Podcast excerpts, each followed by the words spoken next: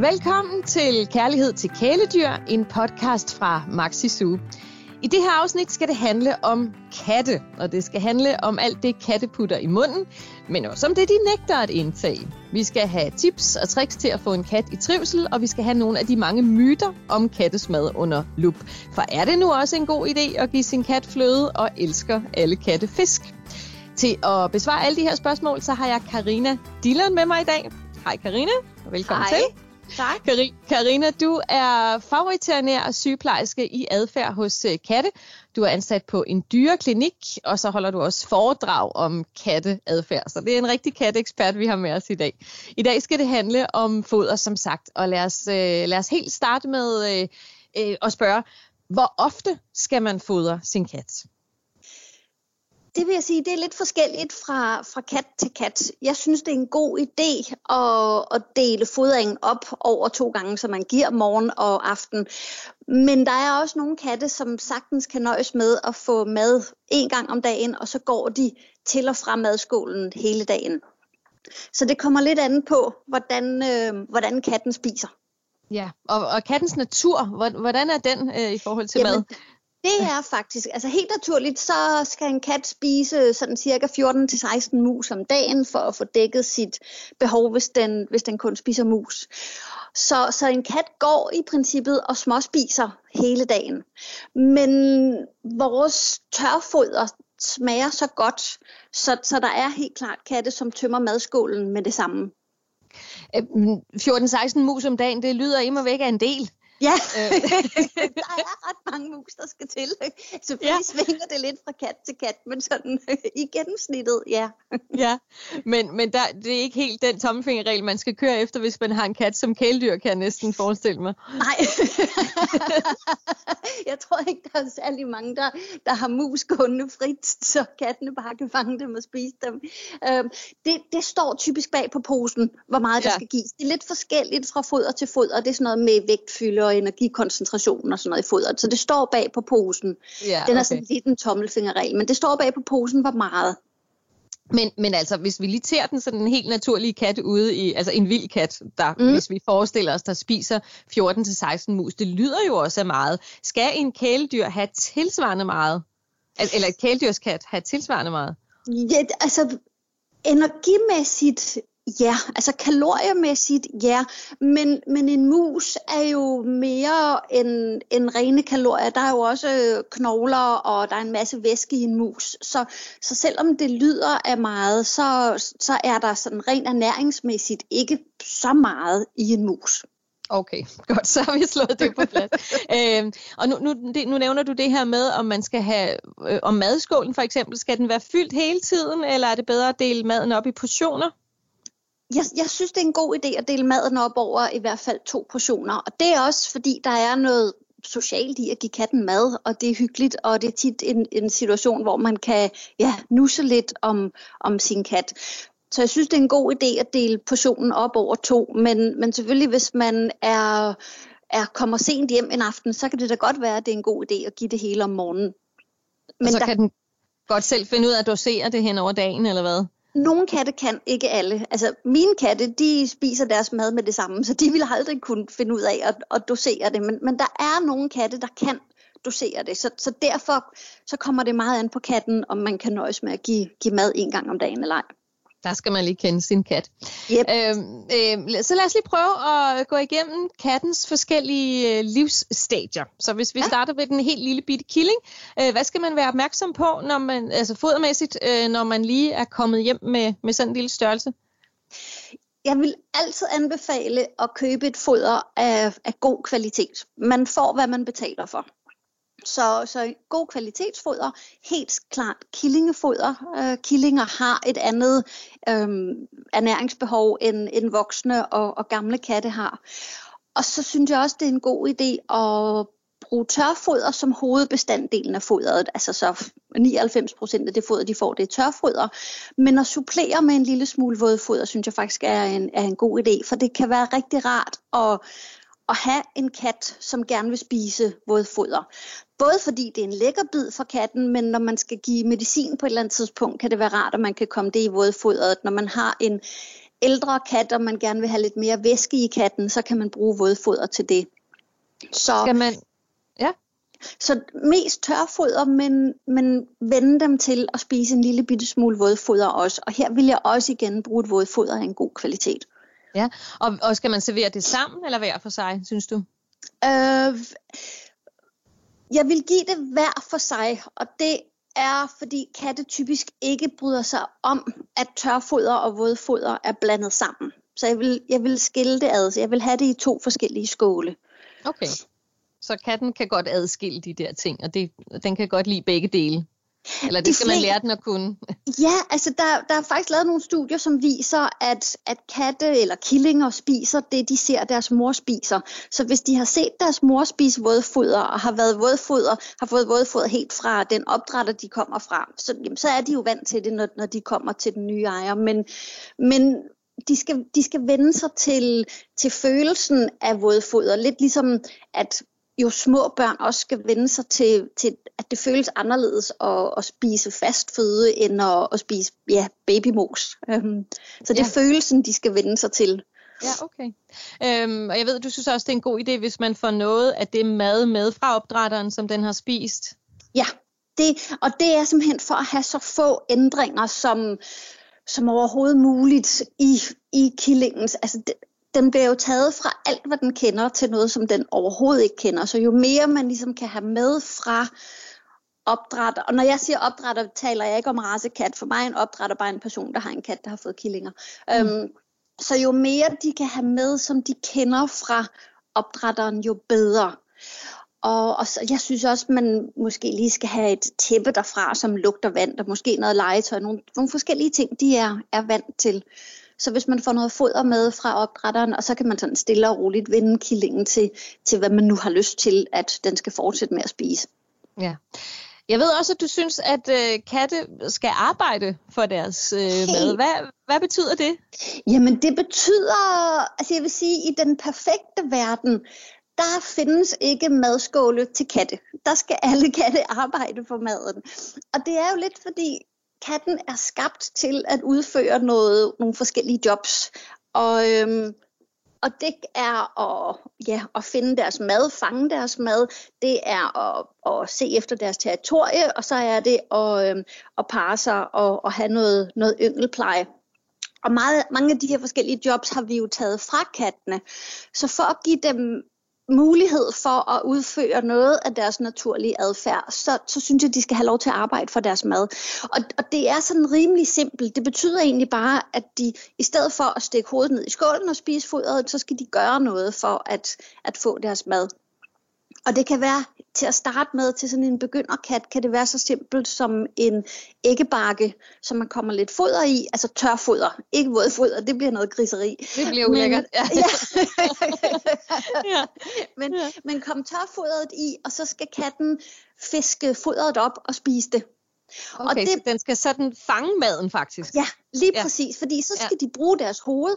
Jeg synes, selv udekatte synes jeg også har, altså der er ikke nogen, der tager skade af at arbejde for sin mad, så selv udekatte synes jeg skal, skal arbejde for deres mad.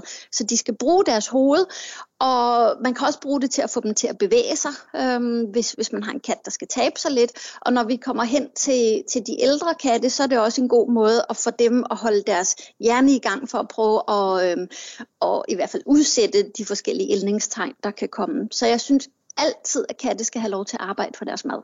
Men er det så alt deres mad, eller er det noget af den? Øh, må jeg der godt sige, stå noget i en skål? Jeg vil, jamen, der er ikke nogen grund til det. Øh, når, når først de har lært at arbejde for maden, så behøver vi ikke en madskål. Jo, til vådfodret, men til tørfodret behøver vi ikke en madskål. Og vi kan sagtens have...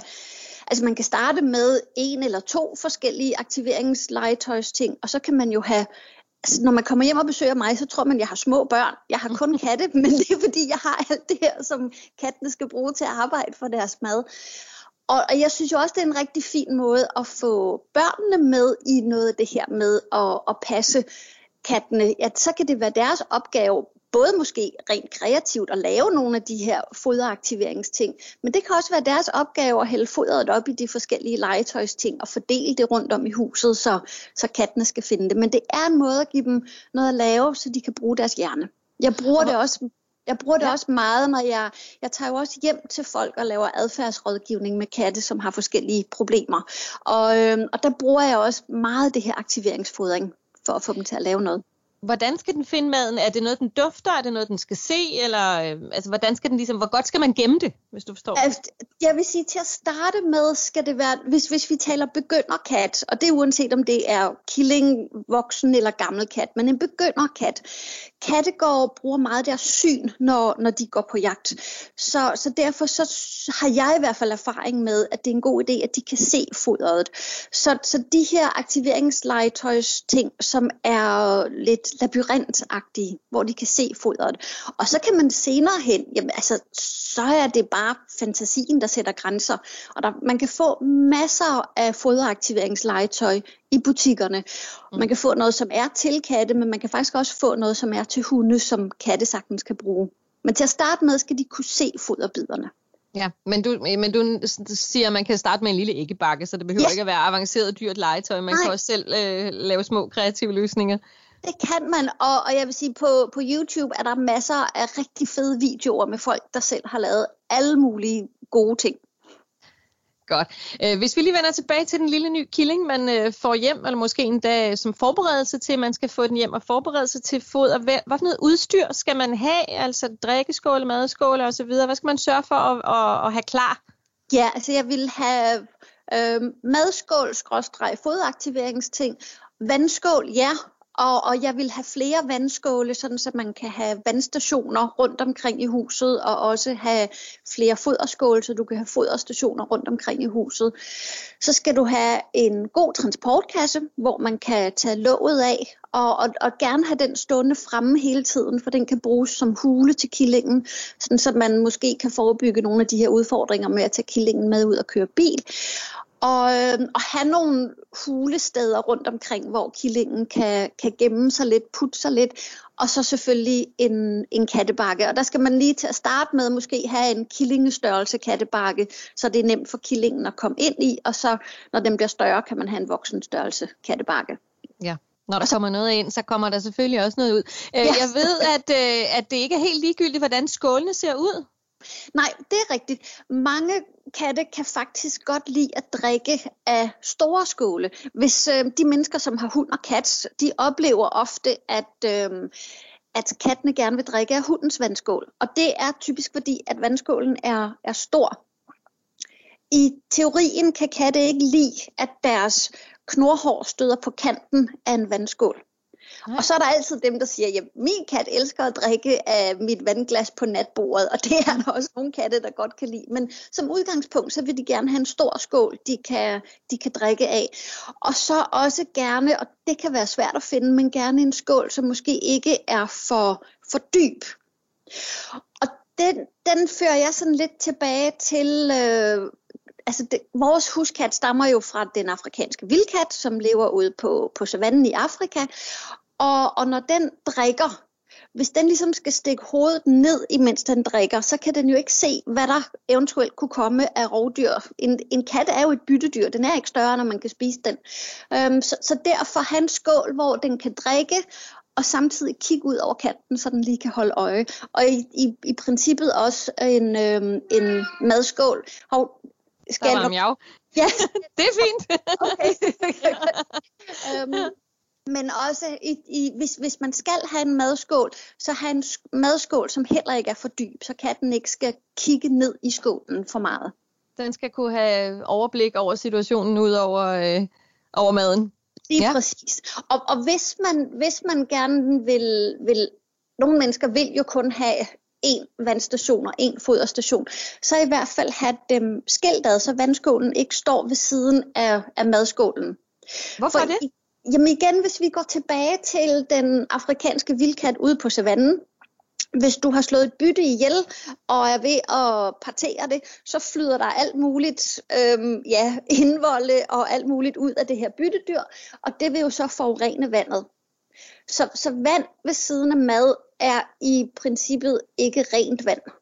Nej, øh, det er jo meget pudsigt. Jeg tror, at de fleste steder, der stiller man jo helt automatisk mad og vand ved siden af hinanden. Ikke? Ja. Præcis. Så ja, der var en lille en der. Og, og hvad så, hvis man har flere katte under samme tag? Det er der jo mange, der har. Det er Hvad, der hvad så med maden og skålene og så videre? Ja, så der skal man have, have fordelt vandstationerne rundt om i huset og foderstationerne rundt om, om i huset. Katte er ikke sociale spisere, ligesom vi er. Vi sætter os ned med familien og hygger os med at spise. Det gør kattene ikke. Nogle katte vil gerne have, at vi kæler med dem, imens at de spiser, men de har ikke nødvendigvis lyst til katteselskab, imens de spiser. Så derfor kan det at spise, hvis der kun er én foderstation, være en lidt stressende situation for katten. Så hvis man har delt foderstationerne rundt omkring i huset, så kan katten komme til at spise uden at tænke på, jamen, hvor er den anden kat henne? Så det er ikke fordi, der er navneskilt på madskålene. Der er bare nem adgang til vand og mad fordelt rundt omkring i huset for alle øh, kattebeboere. Lige præcis, for de er, ikke, de er ikke særlig gode til at stå, stå i kø og vente på, at den anden bliver færdig med at spise, til de selv kan, kan komme til. Det forstår man for så vidt godt, ikke? Øh, der er også noget med, at de ikke er så gode til at få væske nok og få drukket. Ja, ja. ja. og altså, man kan sige, meget som har med katte at gøre, det fører jo tilbage til deres oprindelse. Og de er et ørkendyr. Så, så, så, så de, de kommer fra en, øh, et, et land, hvor de ikke har særlig nem adgang til vand, og derfor bliver de nødt til at kunne trække alt det vand ud af deres foder, som, som de overhovedet kan. Så netop når vi snakkede om, at de spiser 14 mus om dagen, der er faktisk ret meget væske, så, så de skal helst egentlig have dækket deres væskebehov i det foder, de spiser. Nu er vi jo fremme i 2020, og vi giver dem tørfoder, og der er selvfølgelig en lille bitte smule væske, men der er ikke særlig meget væske i. Og, og katte, jeg kan ikke huske procentmæssigt, men, men katte føler sig ret sent i dehydreringsprocessen, føler de sig tørstige. Så vi skal helst minde dem om at drikke vand, før end at de selv bliver, føler sig tørstige. Og hvordan hvis, gør vi det? Jamen det gør vi ved at have, have vand stående rundt omkring. Det gør vi ved at netop tilbyde dem lidt vådfoder, måske med lidt vand i. Og, og så kan man også, nogle katte kan rigtig godt lide at drikke øh, vand af de her vandfontæner. Man kan købe sådan nogle vandfontæner til katte, så det er vand i bevægelse. Og der er også typisk et kulfilter i, så det ændrer lidt på smagen af vand. Og så kan det også være en god idé at have en vandskål stående udenfor, som opsamler regnvand. Og selvfølgelig skal det jo ikke være sådan beskidt pludret halvgrønt regnvand, men så der er rent regnvand, øh, hvis, hvis man har en kat, som kan, som kan komme ud. Mange katte kan godt lide smagen af, af regnvand. Så, så det drikker de, hvis det står øh, tilgængeligt hvis, ude? Det gør de, de fleste, ja. Hvad, hvad sker der, hvis, hvis de ikke får nok væske? Jamen, det er Nyrerne er at, at de organer i, i kroppen, som, som virkelig bliver belastet ved det her hårde arbejde med at trække, trække al væden ud af, af fodret. Og, og man kan sige, at en, en kat er i princippet ikke skabt til at blive meget mere end 5-6 år gammel. Der er den sådan set begyndt at, at blive gammel. Så er det jo fordi, vi passer så godt på dem, at de tit bliver ældre end det.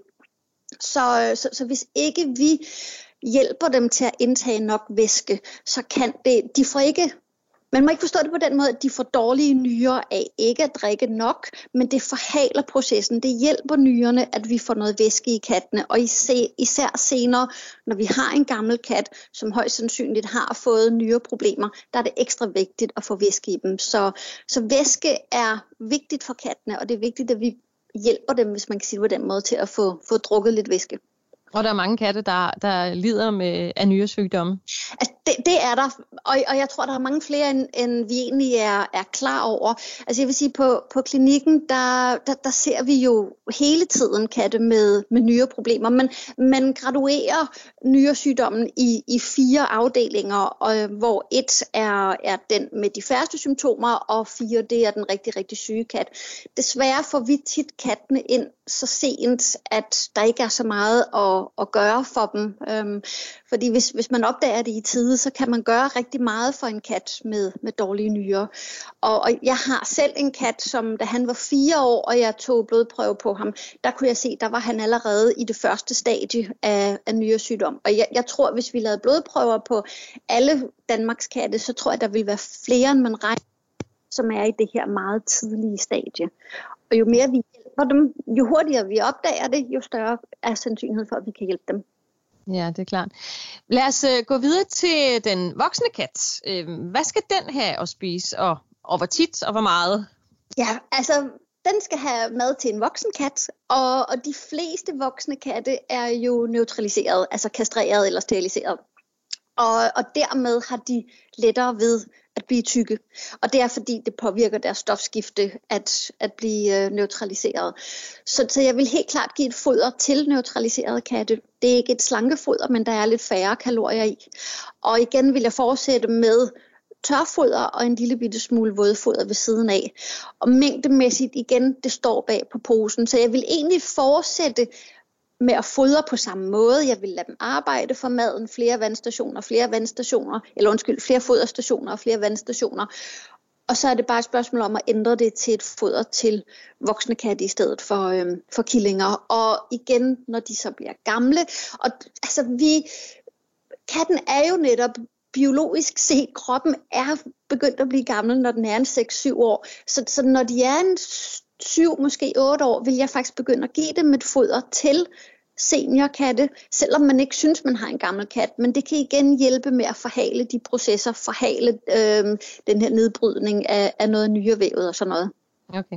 Men altså principperne i, at der skal være øh, øh, mest tørfoder, en lille smule vådfoder, mange stationer, det er det samme hele ja. vejen i kattens liv. Men så er der bare nogle faser, som man så skal ret fodret ind efter. Øh, hvad med, øh, øh, er der forskel på, hvis man har en han eller en hundkat? Hvilken form for mad den skal have? Nej, det er der sådan set ikke. Jeg ved, der er nogle af foderfirmaerne, som har lavet et foder til handkat og et foder til hundkat, men jeg vil sige, at man kan sagtens bruge det samme foder. Så det er ikke kønnet, der gør det. Det er mere, om de er neutraliseret eller ej. Ja. Og, og, og jeg synes, det, det, er en god, og det, det er en god idé, uanset hvor gammel katten er, at følge de foderanvisninger, der er bag på posen, og veje, veje mængden af, sådan så man ikke bare ukritisk hælder op i skålen, men man har en følelse af, hvor, hvor meget foder får katten. For, for de bliver, altså kattene bliver tykke, hvis ikke vi gør noget for at undgå det. Og, hvad er det, der er faren ved, at, at, en, at en kat bliver overvægtig? Altså, det, de får de samme livsstilssygdomme, som vi får af, af overvægt. Øh, der er stor tendens til sukkersyge, og sukkersyge er rigtig svær at, øh, at, at kontrollere hos, hos katte, så det er i hvert fald noget, vi gerne vil prøve at forebygge. De kan få gigt, de kan også få gigt, selvom de ikke er overvægtige, men, men det, det kan gøre, svært, gøre det sværere for dem at leve med gigten i hvert fald, hvis de bærer rundt på, på for mange kilo. Og, og, og så er det er nogle øh, sådan nyere studier, der har vist det, at, at fedt væv er ikke bare hvad skal man sige, dødt væv, som man bærer rundt på. Det er faktisk væv, som skaber sådan en irritationstilstand i kroppen. Så, så, så fedtvæv stresser kroppen hele tiden. Så det er ikke sundt at gå rundt med alt det her fedt i, i kroppen. Og det er det heller ikke for, for, for mennesker. Så, så jo bedre vi kan forebygge, at de bliver tykke, jo, øhm, ja, jo bedre. Så, så mål, mål fodret af og sørg for at have foder, som passer til, om den er neutraliseret, og hvor den er henne i sit liv. Lige præcis. Lige ja. præcis, ja. Øh, der er mange katteejere, som oplever, at øh, deres kat lige pludselig ikke kan lide fodret længere, eller nægter at spise nogle ting, som de plejer at få. Øh, kan katte godt være lidt kredsende, eller, eller hvad, hvad, går det, hvad går sådan noget ud på? Oh, altså det er, jo, det er jo noget af det, som er så skønt ved katte, det er, at de ofte har deres egen mening om, om tingene. Og, og, og katte kan sagtens være kredsende altså katte er lige så individuelle, som, som vi mennesker er. Der er også mennesker, som er vanvittigt græsende, og der er nogen, der spiser alt. Og, og sådan er det også med, med kattene. Nogle katte spiser, hvad du hælder op i skålen, og andre vil kun spise lige præcis det foder af lige præcis det mærke. Men de kan også pludselig få den idé, at noget, de har spist i tre år, det gider jeg pludselig ikke spise mere. Ja, hvad går og, det ud på?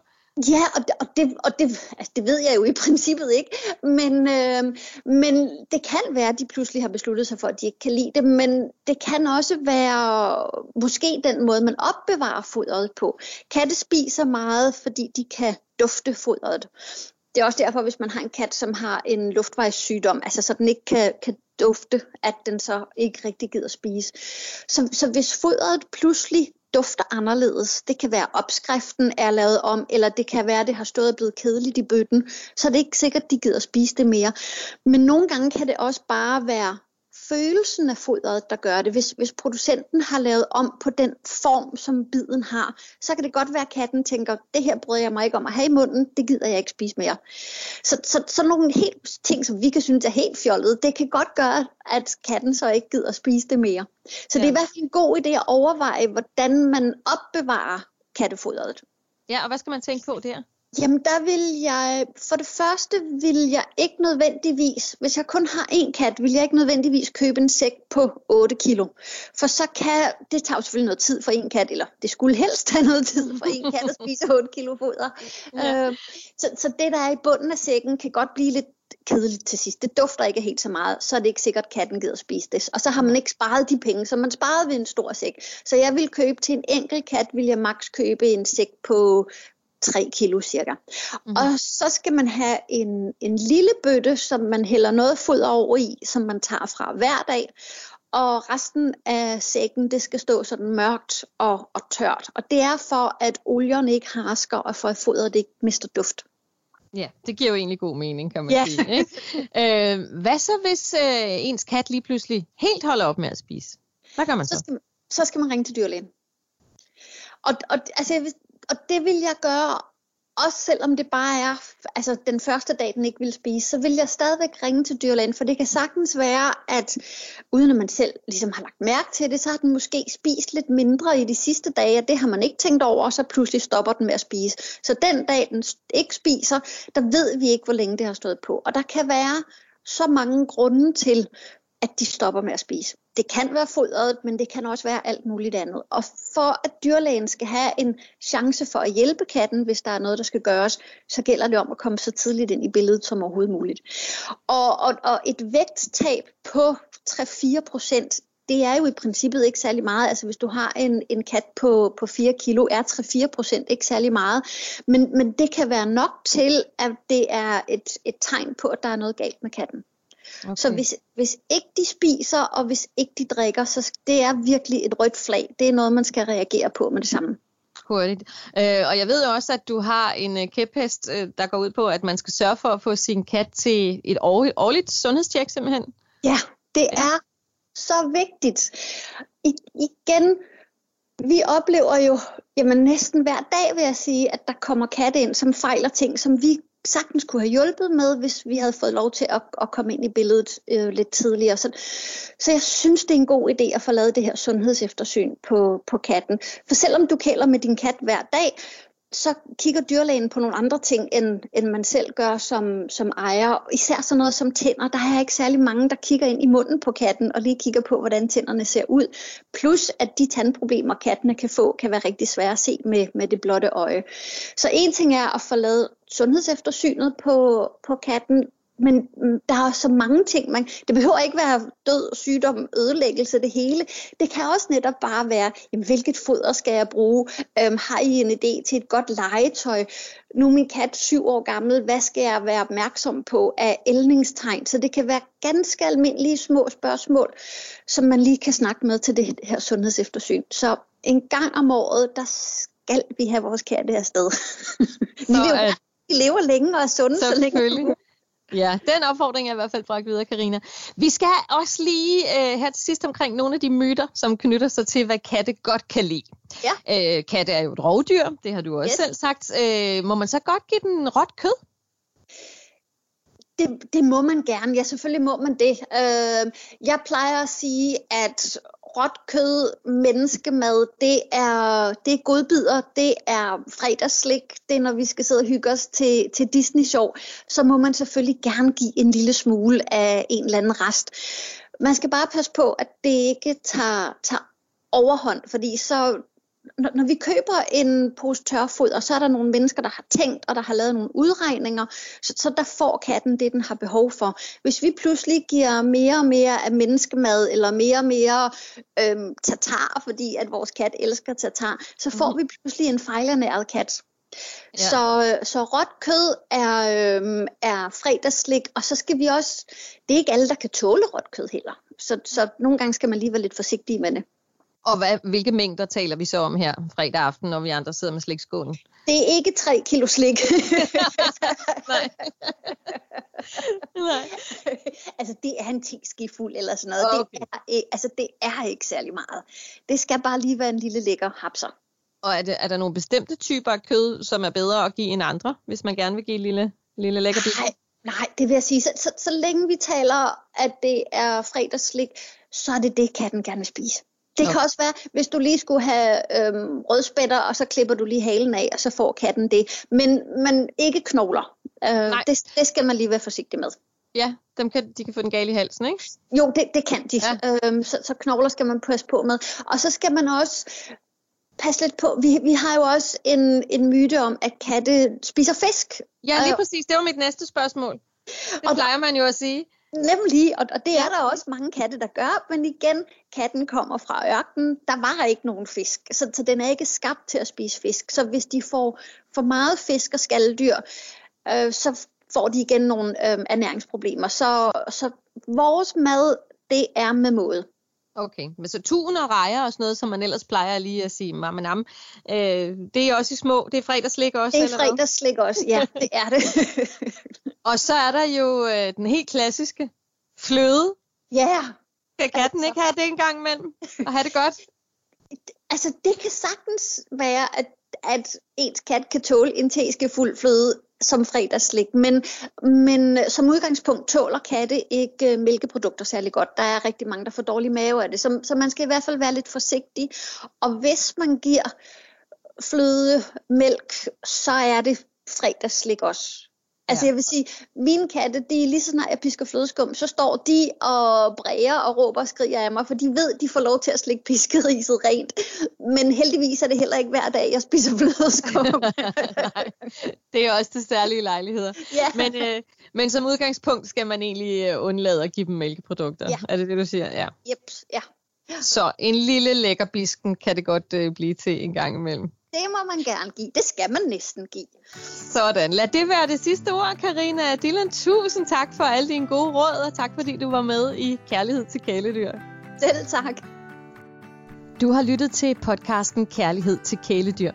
Podcasten er produceret af Bauer Media for Maxi Zoo. Klip Rasmus Svinger, producer Marie Kvortrup, redaktør Rune Born Svarts, og mit navn er Tina Heibel. Hvis du kunne lide det, du hørte, og hvis du synes, det var inspirerende, så vil jeg blive rigtig glad, hvis du vil dele podcasten med en dyreven, som du tænker også kunne have glæde af den. Tak fordi du lyttede med.